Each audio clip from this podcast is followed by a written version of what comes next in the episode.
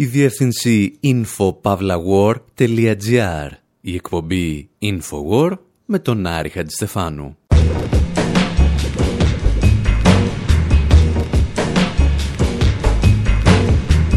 Όπου σήμερα ακούμε όσα περισσότερα τραγούδια προλαβαίνουμε για την αθεία.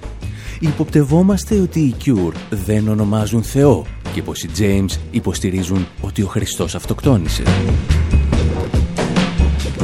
Δοκιμάζουμε τα όρια της βλασφημίας και θυμόμαστε ότι στην Ελλάδα και στην Κύπρο ίσως και να ζούμε ακόμη σε ένα θρησκευτικό μεσαίωνα παρά το γεγονός ότι ο γέροντας Παστίτσιος, η διαδικτυακή δηλαδή σατυρική περσόνα, αθώθηκε. Όλα αυτά τα κάνουμε όμως κυρίως για να σας θυμίσουμε ότι το Σάββατο 11 Μαρτίου διοργανώνεται μια πολύ ενδιαφέρουσα ημερίδα στην Αθήνα από το Πάντιο, την Ένωση Αθέων και την Ελληνική Ένωση για τα Δικαιώματα του Ανθρώπου με θέμα τη θρησκεία, τα ανθρώπινα δικαιώματα, την οικονομία και την πολιτική. Ίσως πάλι να το κάνουμε απλώς, γιατί ο Στίβ Μάρτιν κάποτε μας προκάλεσε, λέγοντας ότι δεν υπάρχουν τραγούδια για άθεους. Religious people have such beautiful music and art, and atheists really have nothing. Οι θρησκευόμενοι έχουν τόσο όμορφη μουσική και τέχνες. Οι άθιοι δεν έχουν απολύτως τίποτα. Τουλάχιστον μέχρι σήμερα. Έχω μπροστά μου το υμνολόγιο των άθεων. Ένα τραγούδι με τίτλο «Οι άθιοι δεν έχουν κανένα τραγούδι». Atheists don't have no songs. Christians have Christians have their hymns and pages, hymns and pages, Havanagilahs for the Jews, for the Jews. Baptists have the Rock of Ages, Rock of Ages. Atheists just sing the blues. Romantics play, romantics play Claire de Lune, Claire de Lune. Born again, sing He is risen. But no one ever wrote a tune, wrote a tune for godless existentialism. For atheists, there's no good news. They'll never sing a song of faith. In their songs, they have a rule. The he is always lowercase. The he is always lowercase. Some folks sing, some folks sing a Bacchantata, Bacchantata. Lutherans get Christmas trees. Atheist songs add up to nada, up to nada. But they do, they do have Sundays free, have Sundays free. Pentecostals sing, Pentecostals sing, they sing to heaven, sing to heaven. Coptics had the Book of Scrolls. Numerologists count. Numerologists count. They count to seven. Count to seven. Atheists have rock and roll. For atheists, there's no good news. They'll never sing a song of faith. In their songs, they have a rule. The he is always lowercase. The he is always lowercase. Όλες οι θρησκείες, υποστηρίζει ο Στίβ Μάρτιν, έχουν τα τραγούδια και τους ύμνους τους και οι άθεοι έχουν μόνο τα blues. Γιατί ποτέ κανένας δεν έγραψε ούτε ένα στίχο για τον αθεϊστικό υπαρξισμό. Και άλλωστε, συμπληρώνει το τραγούδι, ο μόνος κανόνας που έθεσαν ποτέ οι άθεοι στα τραγούδια τους είναι ότι το πρώτο γράμμα της λέξης Θεός γράφεται με πεζό και όχι με κεφαλαίο. Catholics dress up for mass and listen to Gregorian chants. Η πρόκληση από τον Steve Μάρτιν ήταν όπως καταλαβαίνετε τεράστια και ως εκπομπή αποφασίσαμε να αποδομήσουμε τα επιχειρηματά του. Καταρχήν εντοπίσαμε τουλάχιστον τρία τραγούδια τα οποία αναφέρονται στον υπαρξισμό όπως λόγου χάρη το Did Used to Overkill, τον Zyklon. Και δεν ήταν καθόλου δύσκολο, αρκεί να δίνεις λίγη προσοχή στους στίχους.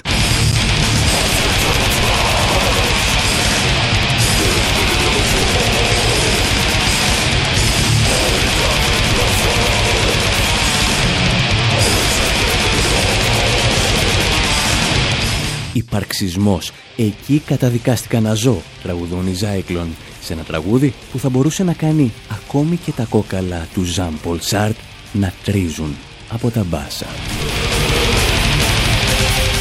Για την ιστορία, να σας πούμε ότι οι Zyklon δανείζονται το όνομά τους από την χημική ουσία Zyklon B, που χρησιμοποιούσε ο Χίτλερ στους θαλάμους αερίων.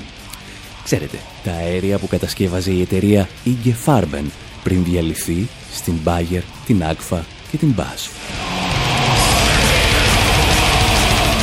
Θα μπορούσαμε φυσικά να απαντήσουμε σε όλα τα επιχειρήματα του Steve Martin ότι δεν υπάρχουν τραγούδια για άθεους, γεμίζοντας την εκπομπή με τραγούδια death metal. Θεωρήσαμε όμως ότι πρώτον μπορεί αυτό να σας φανεί ελαφρώς κουραστικό και δεύτερον ότι είναι τόσο εύκολο σαν να κλέβεις εκκλησία. Γι' αυτό είπαμε να ξεκινήσουμε με κάτι πιο ελαφρύ, σαν τους James.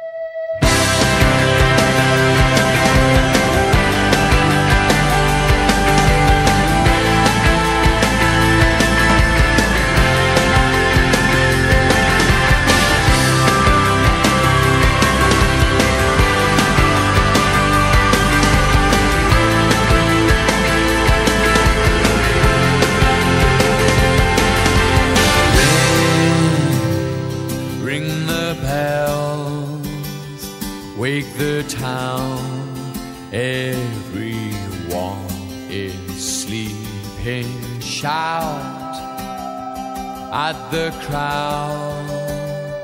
Wake them up,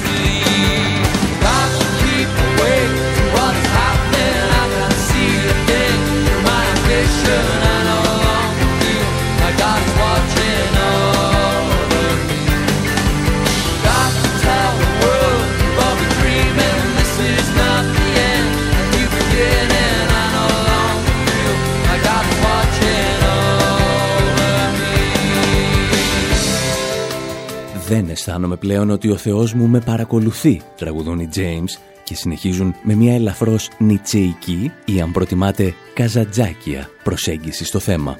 Όταν με άφησες να πέσω, έβγαλα δικά μου φτερά. Όταν με άφησες να πνιγώ, έβγαλα βράχια και πτερίγια. Και τώρα έχω το βάθος της θάλασσας. Και όταν με άφησες να πεθάνω, το πνεύμα μου απελευθερώθηκε. Και τώρα δεν υπάρχει τίποτα που να με φοβίζει. Και αν όλα αυτά σας ακούγονται ελαφρώς διφορούμενα για τις θρησκευτικές πεπιθήσεις των James, πριν από μερικά χρόνια, ο τραγουδιστής του συγκροτήματος Tim Booth εξήγησε στο BBC τις θέσεις του για όλες τις θρησκείες. Ακούμε το απόσπασμα μεταφρασμένο αλλά αυτούσιο με τη μουσική επένδυση που διάλεξε τότε το BBC.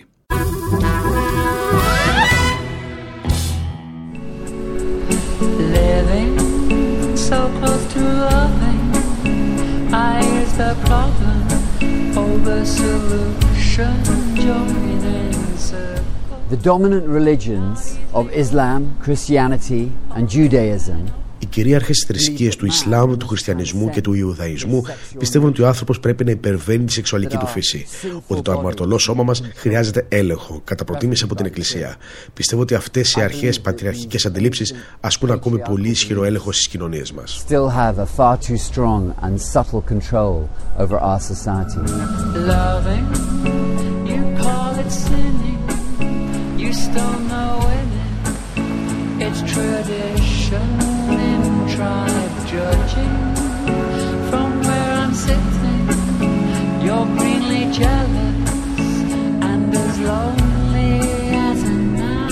The enforced suppression of our sexuality is poisonous, unnatural, Το να μας επιβάλλουν να καταπνίγουμε τη σεξουαλικότητά μας είναι δηλητηριώδες, αφύσικο και καταστρέφει τη φυσική και διανοητική μας υγεία. Πόσοι καλοπροαίρετοι ιερείς που προσπάθησαν να ελέγξουν τη φυσική τους επιθυμία και να μείνουν άγαμοι κατέληξαν παιδεραστές. Η μοιχεία και η δημοφιλοφιλία τιμωρούνται ακόμη με λιθοβολισμό σε ορισμένες περιοχές του κόσμου.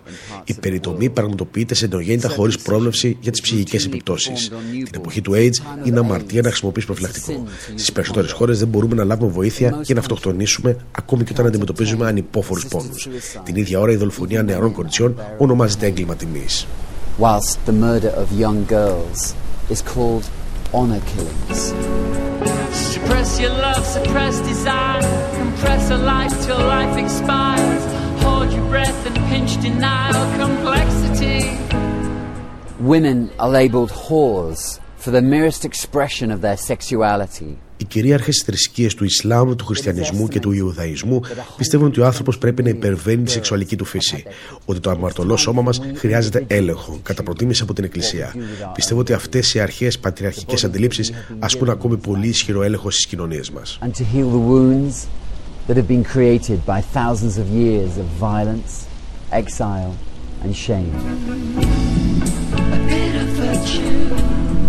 I'd rather live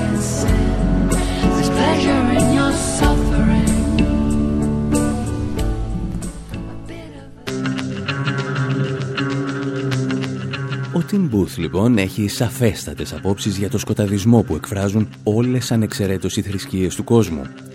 Και αν έχεις αυτό στο μυαλό σου, αρχίζεις να ακούς διαφορετικά και ένα άλλο τραγούδι των James. Αυτό που λέει «Ήσουν ένας από τους τρεις», πιθανότατα στον Σταυρό. Τους ακούμε και επιστρέφουμε.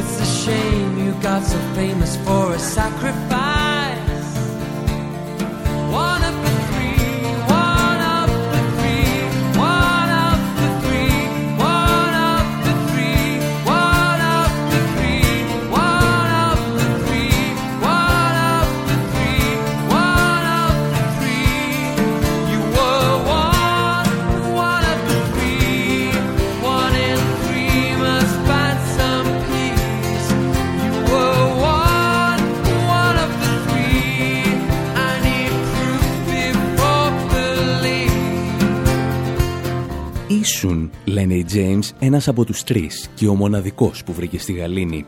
Ήξερες ότι έρχονται για σένα, οπότε αυτό που έκανες ήταν απλώς αυτοκτονία. Ελπίζω τώρα να ικανοποιήθηκες, γιατί είναι ντροπή που έγινες τόσο διάσημος μόνο για μία θυσία. Και αν, όπως πολλοί πιστεύουν, ο ένας από τους τρεις για τον οποίο τραγουδούν οι James ήταν ο Χριστός, μόλις ακούσαμε ίσως το πιο σκληρό κατηγορό εναντίον του χριστιανισμού που έχει γραφτεί ποτέ.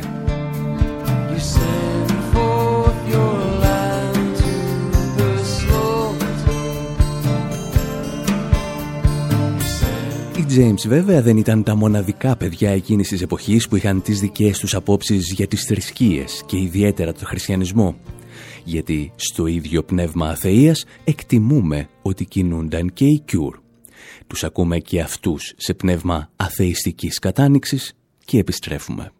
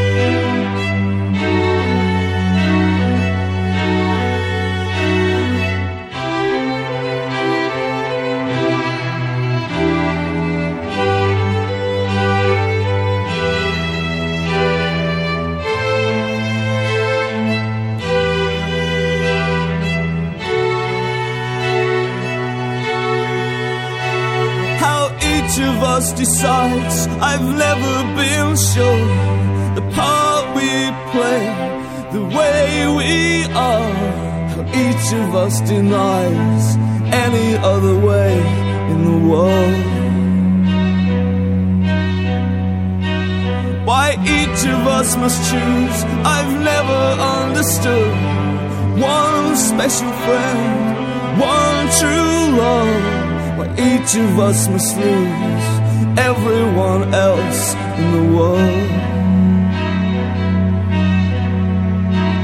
However unsure, however unwise, day after day, play out. Our lives, however confused, pretending to know to the end. But this isn't true. This isn't right. This isn't love. This isn't life. This isn't real. Πώς εκφράζει ο καθένας την πίστη του δεν το γνωρίζω, τραγουδά ο Ρόμπερτ Σμιθ στον Cure και συνεχίζει μιλώντας για έναν παράδεισο που δεν είδε ποτέ και μία άγνωστη σε αυτόν κόλαση. Όλα αυτά συμπεραίνει δεν είναι αλήθεια, δεν είναι σωστά, είναι ένα ψέμα.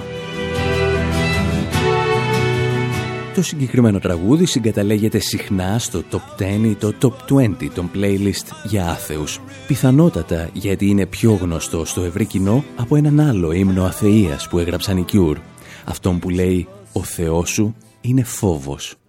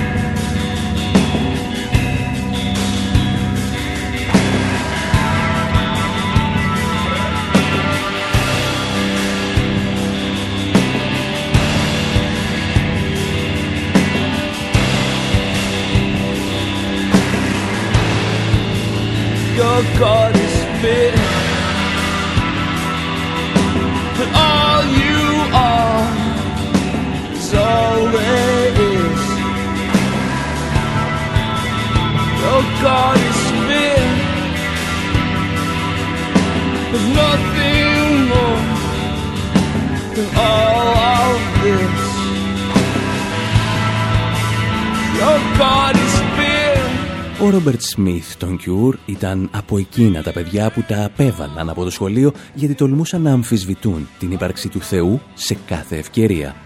Στα τραγούδια του όμως μιλά συχνά με γρίφους για θέματα που θα μπορούσαν ή δεν θα μπορούσαν να αφορούν τη θρησκεία. Fear never changing. Γι' αυτό και εμείς, στο δεύτερο μέρος της εκπομπής, θα στραφούμε σε συγκροτήματα που λένε τα σίκα σίκα και την αθεία αθεία. Γιατί το αντίπαλο στρατόπεδο όχι μόνο έχει γράψει και αυτό μουσικάρες, αλλά πολύ συχνά λέει τα πράγματα πολύ πιο ξεκάθαρα. Όπως εδώ, ο Τζόνι Κάς συμπιέζει σε ένα τραγούδι ίσως τις περισσότερες αναφορές στην Παλαιά και την Καινή Διαθήκη που έχουμε ακούσει ποτέ. And I heard, as it were, the noise of thunder. One of the four beasts saying, Come and see. And I saw, and behold, a white horse.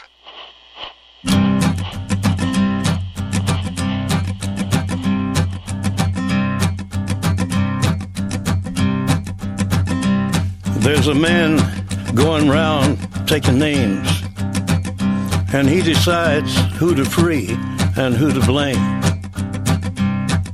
Everybody won't be treated all the same. There'll be a golden ladder reaching down when the man comes around. The hairs on your arm will stand up at the terror in each sip and in each sup. Will you partake of that last offered cup or disappear into the potter's ground when the man comes around? Hear the trumpets, hear the pipers, one hundred million angels singing. Multitudes are marching to the big kettle drum. Voices calling, voices crying. Some are born and some are dying.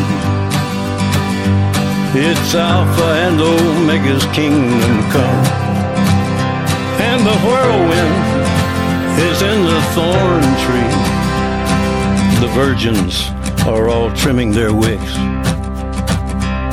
The whirlwind is in the thorn tree. It's hard for thee to kick against the pricks. Till Armageddon, no shalom, no shalom. Then the father hen will call his chickens home. The wise men will bow down before the throne. And at his feet they'll cast their golden crowns when the man comes around. Whoever is unjust, let him be unjust still. Whoever is righteous, let him be righteous still. Whoever is filthy, let him be filthy still. Listen to the words long written down when the man comes around. Hear the trumpets, hear the pipers. One hundred million angels singing. Multitudes are marching to the big kettle drum. Voices calling, voices crying. Some are born and some are dying. It's Alpha and Omega's kingdom come. And the whirlwind is in the thorn tree. The virgins are all trimming their wicks. The whirlwind is in the thorn tree. It's hard for thee to kick against the pricks. In measured hundredweight and penny pound, when the man comes around.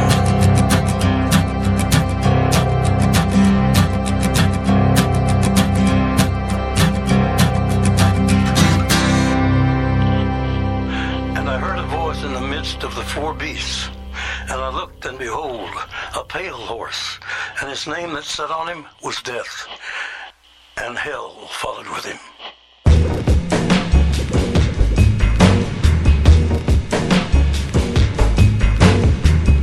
Εκπομπή Infowar, μέρος δεύτερο. Όπου σήμερα σκεφτήκαμε να ανανεώσουμε τη δισκοθήκη της αθείας μας με δύο αφορμές.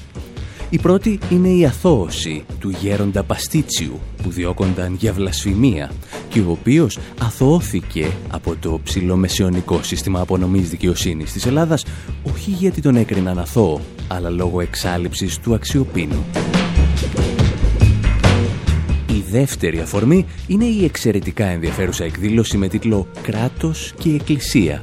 Προσεγγίσεις» η οποία διοργανώνεται από το Τμήμα Κοινωνιολογίας του Παντίου Πανεπιστημίου σε συνεργασία με την Ένωση Αθέων και με την υποστήριξη της Ελληνικής Ένωσης για τα Δικαιώματα του Ανθρώπου. Το Σάββατο 11 Μαρτίου στις 10 το πρωί στο Πάντιο Πανεπιστήμιο. Εμείς στο πρώτο μέρος της εκπομπής ακούσαμε τραγούδια των Cure και των James με μικρές ή μεγαλύτερες εχμές εναντίον κάθε θρησκείας. Και τώρα έχει έρθει η στιγμή να πούμε τα πράγματα με το όνομά τους. Αγαπητέ Θεέ.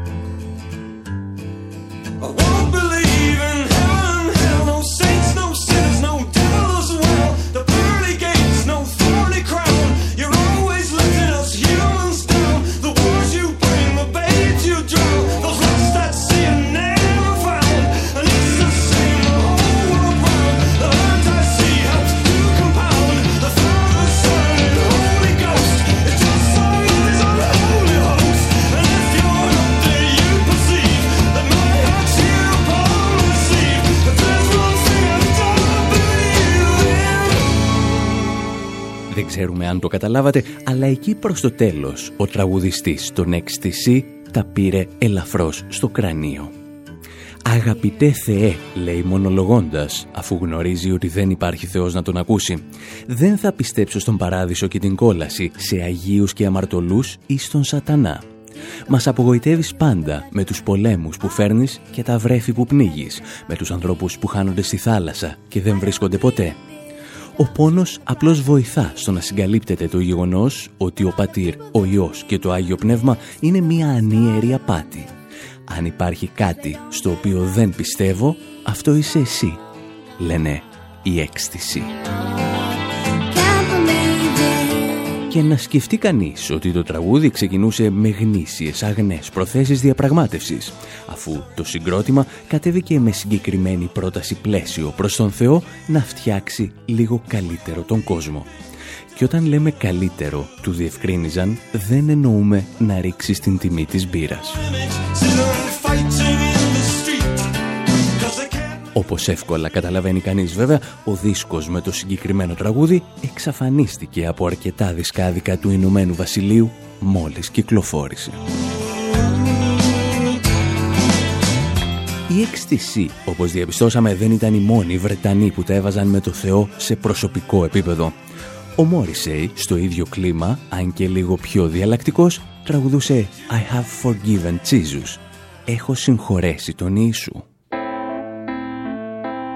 I was a good kid.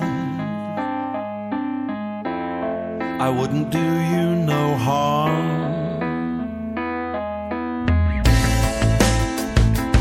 I was a nice kid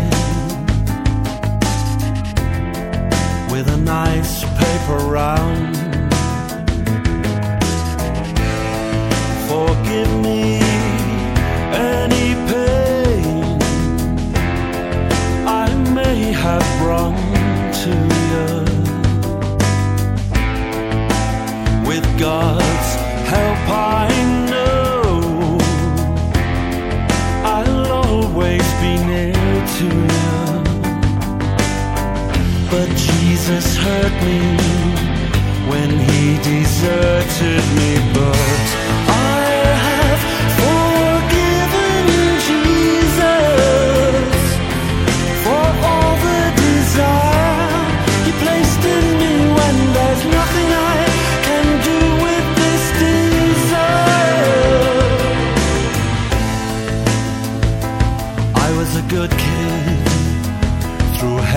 snow. I'd go just to moon you. I carried my heart in my hand. Do you understand? Do you understand? But Jesus hurt me when he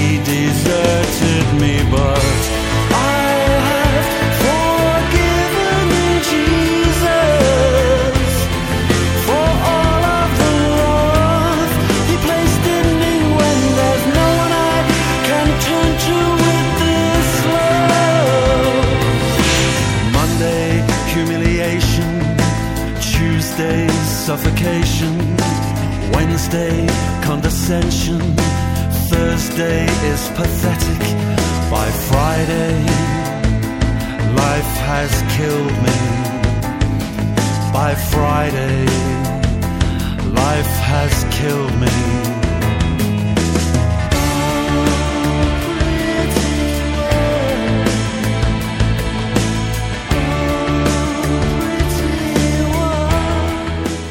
Αλήθεια είναι ότι δεν γνωρίζουμε αν ο Μόρισεϊ έχει τοποθετηθεί ανοιχτά για τις θρησκευτικές του πεπιθήσεις. Αλλά το συγκεκριμένο τραγούδι είναι ένα μεγάλο παράπονο απέναντι στον Υιό του Θεού, τον οποίο τελικά ο τραγουδιστής έχει την μεγαλοψυχία να συγχωρέσει. in a loveless world when there's no one I can turn to to unlock all this love and why Αρκετά ακόμη συγκροτήματα αποδίδουν στον Υιό του Θεού ιδιότητες και χαρακτηριστικά που δεν αναφέρονται στα σγραφάς. Όπως εδώ, οι Smile Empty Soul υποστηρίζουν με απόλυτη βεβαιότητα ότι ο Ιησούς είναι διευθυντής στην αλυσίδα σούπερ μάρκετ Walmart.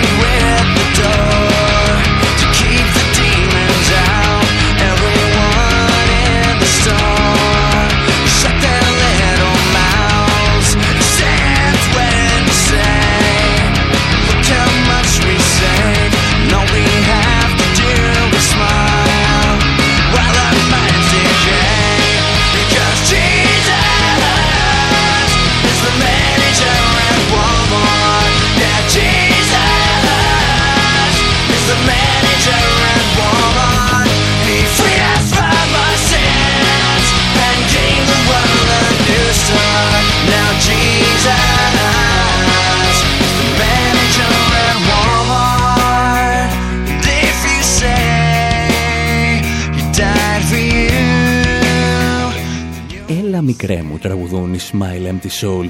Κράτα τη σκέψη σου και τη γλώσσα σου και άρπαξε ένα καρότσι. Γέμισε το με όλα τα σκουπίδια που σε κρατάνε γονατιστό. Γιατί ο Χριστός είναι διευθυντής στην αλυσίδα αμερικανικών σούπερ μάρκετ Walmart. Το συγκεκριμένο τραγούδι περιλαμβάνεται σπάνια στα playlist που θα βρείτε εκεί έξω για την αθεία. Ίσως γιατί πρωτίστως καταδικάζει τον καταναλωτισμό και ίσως γι' αυτό ενοχλεί πρωτίστως τους άθεους φιλελεύθερους. Παρόμοια κατάσταση δηλαδή με αυτή που αντιμετώπιζε και η Τζάνις Τζόπλιν όταν παρακαλούσε το Θεό να της αγοράσει μία Mercedes γιατί όλοι οι φίλοι της είχαν Porsche και ζήλευε. I like to do a song of great social and political import. It goes like this. Oh Lord, won't you buy me a Mercedes Benz? My friends all drive Porsches. I must make amends. Worked hard all my lifetime, no help from my friends. So, oh Lord, won't you buy me a Mercedes Benz? Oh Lord, won't you buy me a color TV? Dialing for dollars is trying to find me. I wait for delivery each day until three. So, oh Lord, won't you buy me a color TV? Oh Lord, won't you buy me a night on the town? I'm counting on you, Lord. Please don't let me down. Prove that you love me and buy the next round. Oh Lord, won't you buy me a night on the town? Everybody, oh Lord, won't you buy me a Τα συγκεκριμένα τραγούδια μπορεί να μην αποτελούν τον ορισμό των αθεϊστικών ύμνων, αλλά σίγουρα δεν ανήκουν σε βαθιά θεοσεβούμενους ανθρώπους. Αντιθέτως, ανήκουν σε καλλιτέχνες και συγκροτήματα που δημιουργούν τους θεούς τους, κατ' εικόνα και ομοίωση του ανθρώπου. Όπως κάνουν δηλαδή όλοι, χωρίς όμως να το αναγνωρίζουν. Όπως κάνουν και οι Τσαμπαουάμπα όταν τραγουδούν το Jesus in Vegas. Call me on my cellular, and I'll give you a free ride to this underground house. There you go. They'll pick up the fare, they'll even tip you. Don't even worry about it, man. You'll love this joint. We'll stop off, we'll buy some booze, and uh, you'll bring it in. It's just incredible. The girls will be all over you. Lord of the very last dance. I've got Tommy on the leg of my pants. I've got the audience in the palm of my hands. My good friend Sinatra on my right. Andrew Lloyd Webber is doing the lights. It's twice a night, 25 nights.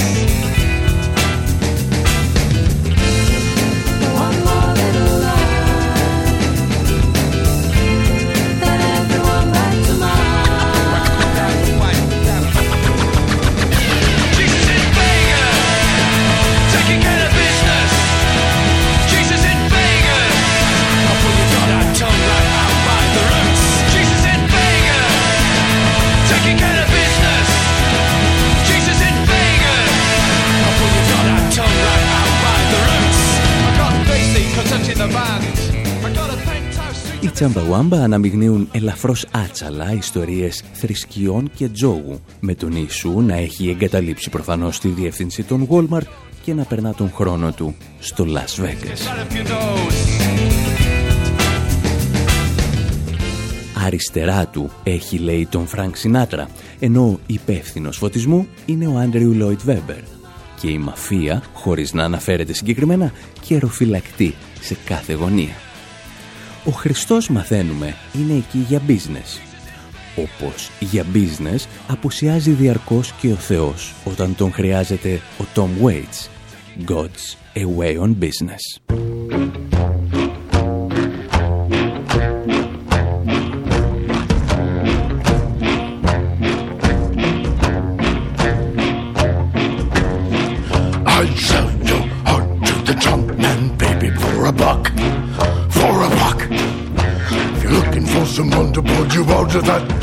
Out of luck. You're out of luck. Ship is sinking. The ship is sinking. The ship is sinking.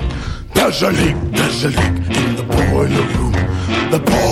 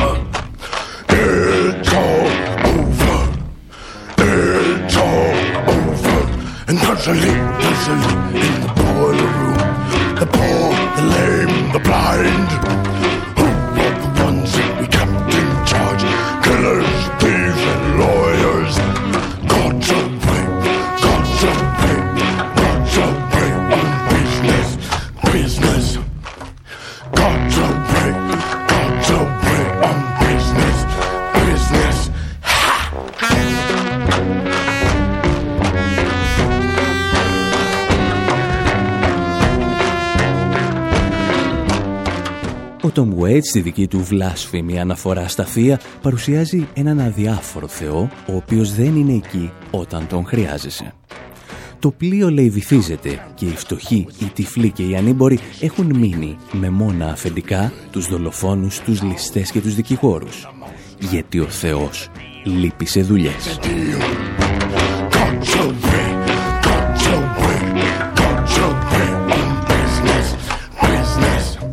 Θα πρέπει βέβαια να ξαναπούμε ότι όλα αυτά τα τραγούδια μπορεί να μην δείχνουν τον απαιτούμενο σεβασμό στο θεάνθρωπο, αλλά δεν αμφισβητούν αναγκαστικά την ύπαρξη θεών και θεάνθρωπων. Γιατί μπορεί ο Tom Waits να αισθάνεται αβοήθητος ενώ πνίγεται, αλλά κανένας δεν του υποσχέθηκε ότι ο Θεός είναι και ναυαγοσώστης. Επίσης, το ότι κανένας δεν έφερε τη Mercedes που είχε παραγγείλει η Τζάνις Τζόπλιν από το Θεό δεν είναι και το πλέον ατράνταχτο επιχείρημα για την ανυπαρξία του τελευταίου. To be good, to be good. Για να περάσουμε λοιπόν στον σκληρό πυρήνα των τραγουδιών για άθεους, θα πρέπει να καταφύγουμε σε καλλιτέχνες όπως ο Billy Joel, ο οποίος κατάφερνε να εξοργίζει την καθολική εκκλησία με κομμάτια σαν και αυτό.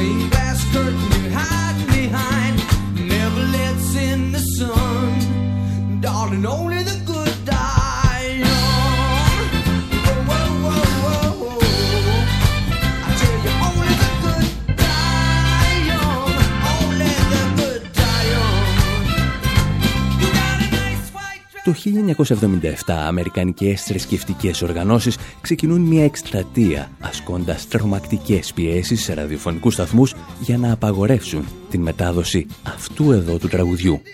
Και τα καταφέρνουν.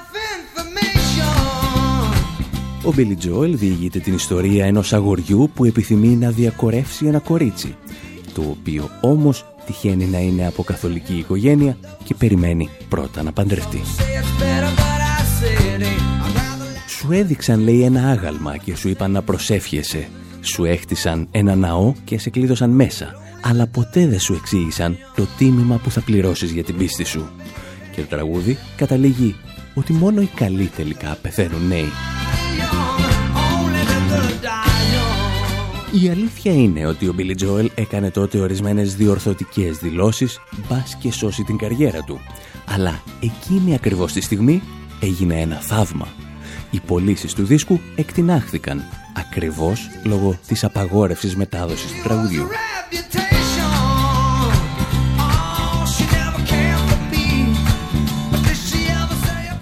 Φυσικά, μια εκπομπή που επιθυμεί να παρουσιάσει μια στοιχειοδός πλήρη εικόνα για τα τραγούδια που ακούν οι άθεοι δεν θα μπορούσε να παραλείψει τους απόλυτους εκφραστές του είδους.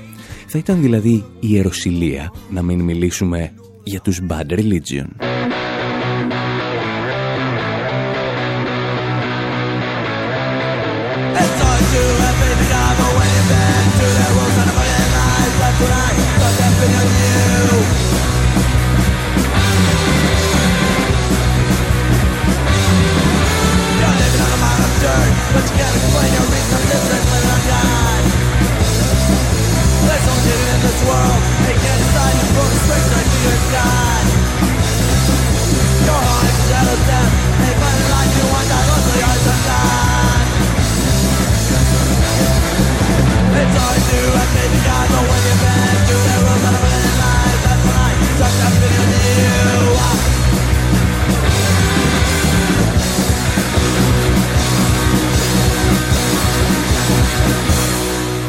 Bad Religion, όπως μαρτυράει και ο τίτλος τους, έχουν αφιερώσει την καριέρα τους στην καταδίκη των θρησκειών και την απόρριψη θεών και δαιμόνων. Πάντα βέβαια με ευγένεια και σεβασμό στην πίστη του άλλου. Όπως εδώ, στο Faith in God. Δεν έχω λέει κανένα πρόβλημα με την πίστη σου στο Θεό, αλλά όταν αρχίζεις να προσκυνάς τους κανόνες τους και να ακούς τα ψέματά τους, μου προκαλείς θλίψη. Ζεις σε ένα σωρό από ακαθαρσίες, αλλά δεν μπορείς να εξηγήσεις τους λόγους της ύπαρξής σου. Και έτσι πιστεύεις ότι σε έπλασε ο Θεός. Ολόκληρη η ζωή σου, συνεχίζουν οι Bad Religion, σκιάζει το θάνατο. Και όταν συνειδητοποιείς ότι δεν θέλεις να πεθάνεις μόνος, νομίζεις ότι θα έχεις πάντα το Θεό δίπλα σου.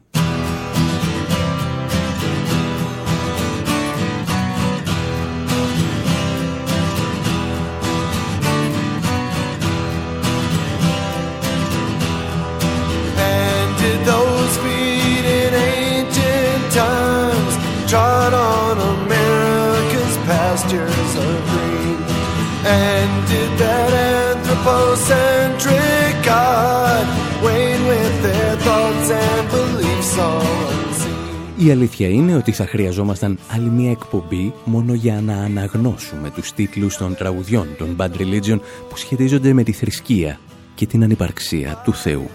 Επειδή όμως ο χρόνος της κάθε εκπομπής είναι πεπερασμένος, όπως και η ζωή μας, που είναι μία και χωρίς συνέχεια σε άλλους κόσμους, καλύτερα να βγείτε έξω και να την απολαύσετε. And have they told you Κάπου εδώ δηλαδή, εμείς θα πρέπει να σας αφήσουμε και για αυτή την εβδομάδα. Να σας θυμίσουμε ότι η αφορμή για αυτή την εκπομπή ήταν η ημερίδα που πραγματοποιείται το Σάββατο 11 Μαρτίου στις 10 το πρωί στο Πάντιο Πανεπιστήμιο με θέμα την Εκκλησία, το κράτος και όλους αυτούς. Και εκεί θα ακούσουμε σκέψεις για το ρόλο της θρησκείας στην κοινωνία, την πολιτική και την οικονομία ελαφρώς πιο σοβαρές από τα τραγούδια που σας δώσαμε σήμερα. Religion's just synthetic? Από τον Άρη Χατζηστεφάνου λοιπόν στο μικρόφωνο, τον Δημήτρη Σταθόπουλο στην τεχνική επιμέλεια και τον Μέριλιν Μάνσον που δηλώνει με φιστοφελής στο Λος Άντζελες «Γεια σας και χαρά σας».